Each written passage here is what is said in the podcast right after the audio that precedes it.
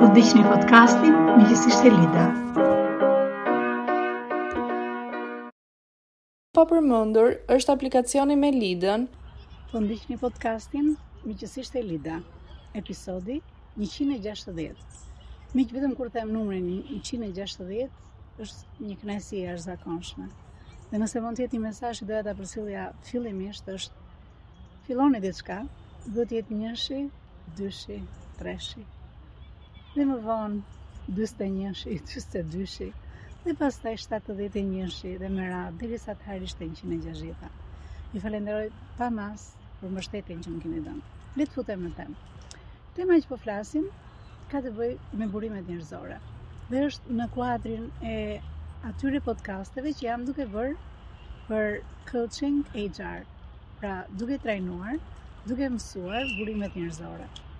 Kemi folur në pjesën e parë se sa dhe si duhet bërë që burimet njerëzore të mos dalin nga dera ku ju është kërkuar për të marrë dikë në punë, pa marrë shumë të qarta rezultatet e pritshme nga ky person, qoftë në aspektin e detyrave, qoftë dhe në aspektin njerëzor. Në moment që ke marrë këto, hapi i dytë që ne kemi thënë që është shumë i rëndësishëm, është që vetë burimet njerëzore duhet të ndalojë dhe të bëjë planin e punës vetë, duke zgjedhur konkretisht atë që ne do të flasim sot, panelin. Pra panelin ose komisionin ose grupin apo skuadrën që në përgjithësi mund të quhen si ad hoc commissions ose teams. Pse është e rëndësishme kjo? Kjo është shumë e rëndësishme për faktin se burimet njerëzore kemi thënë që është pronare e procesit si proces, por Por vendimmarrjen nuk e kanë në dorë burimet njerëzore. Pra burimet njerëzore sigurohen që cilido person që do të vijë në rekrutim në gjithë procesin tonë të kalojë përmes një filtri që është i njëjtë për të gjithë. Kjo është detyra e burimeve njerëzore. Prandaj pyetja e parë që do të bëhet, ndërkohë që je ulur dhe po bën planifikimin, strategjinë e veprimeve që do ndjekësh, që në fund fare të kesh kandidatët më të mirë të përzgjedhur, talentet më të mira nga tregu të përzgjedhur për të bërë punën që kërkohet. Hapi i parë është me cilët persona do të jesh në proces ose krijimi i panelit.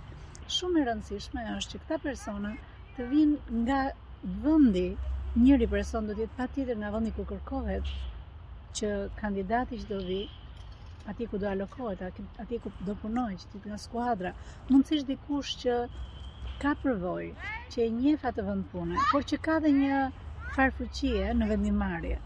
Dhe shpeshherë, këtu është momenti që burimet njerëzore, kur ka për të zgjedhur midis 2-3 vetave, do të zgjedhë një person i cili është teknikisht shumë i zoti, por që është edhe people person. Një person që ka mundësi, një person që ka aftësinë të zbulojë dhe të nxisë që të flasin aplikantët të cilët janë në procesin e rekrutimit. Pra jemi duke folur për një element shumë të rëndësishëm. Mbasi kemi bërë gati përshkrimin e punës, mbasi kemi bërë gati pyetjet të cilat shoqërojnë procesin gjatë gjithë kohës, pra pyetjet të cilat janë, do të thoshja, gjysmë të ngrira, të gatshme për panelin që do të vijë, ku secila nga pyetjet do të jetë absolutisht drejtuese për aplikantin që të japë përgjigjen e duhur që ne na duhet për të vendosur nëse ky aplikant është talenti që ne kërkojmë. Pra, themi që këto janë bërë gati, janë në dorë. Hapi i tretë që po flasim, është të pasurit e një komisioni dhe thamë, sqaruam që do të jetë dikush që teknikisht vjen nga vendi i punës ku kërkohet të merret ky person. Një person tjetër që mund të jetë po kaq shumë i rëndësishëm është një person i cili ka lidhje të drejtpërdrejtë me këtë vend pune ose indirekt me këtë vend pune. Por është një person i cili në mënyrë të vazhdueshme është pranë burimeve njerëzore. Pra ti Kupton që dikush e ka këtë talent dhe është detyra jote si burime njerëzore të fillosh të ndërtosh ato që ne quajmë krahët shtesë që duhet të kesh në pothuajse në të gjitha departamentet apo në të gjitha pozicionet e punës nëse nuk i kemi të ndara me departamente.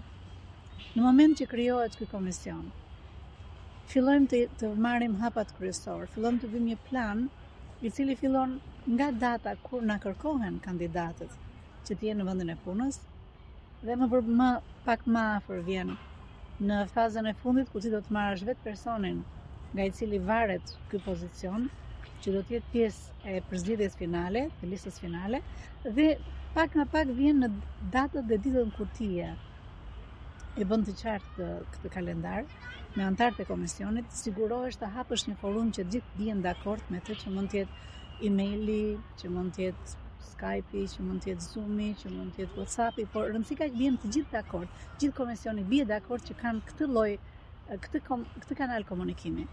Dhe fillohet dakordësimi për datat dhe fillohet në mënyrë indirekte ajo që do ta quaja trajnimi i këtyre personave se si do të vejë procesi. Dhe është burimet njerëzore që e ka këtë detyrë, e ka detyrë të themi funksionale, të trajnojë të tjerët se si do të veprohet në një në një rekrutim. Nuk është detyra e askujt që të vijë atje dhe të ketë ide të ndryshme se si do bëhet rekrutimi. Është detyrë e burimeve njerëzore ta bëjë shumë të qartë procesin, ta ketë të ketë shumë të qartë çfarë kërkohen dhe të bëjë shumë të qartë kush është, cila është rruga se si do ndiqet.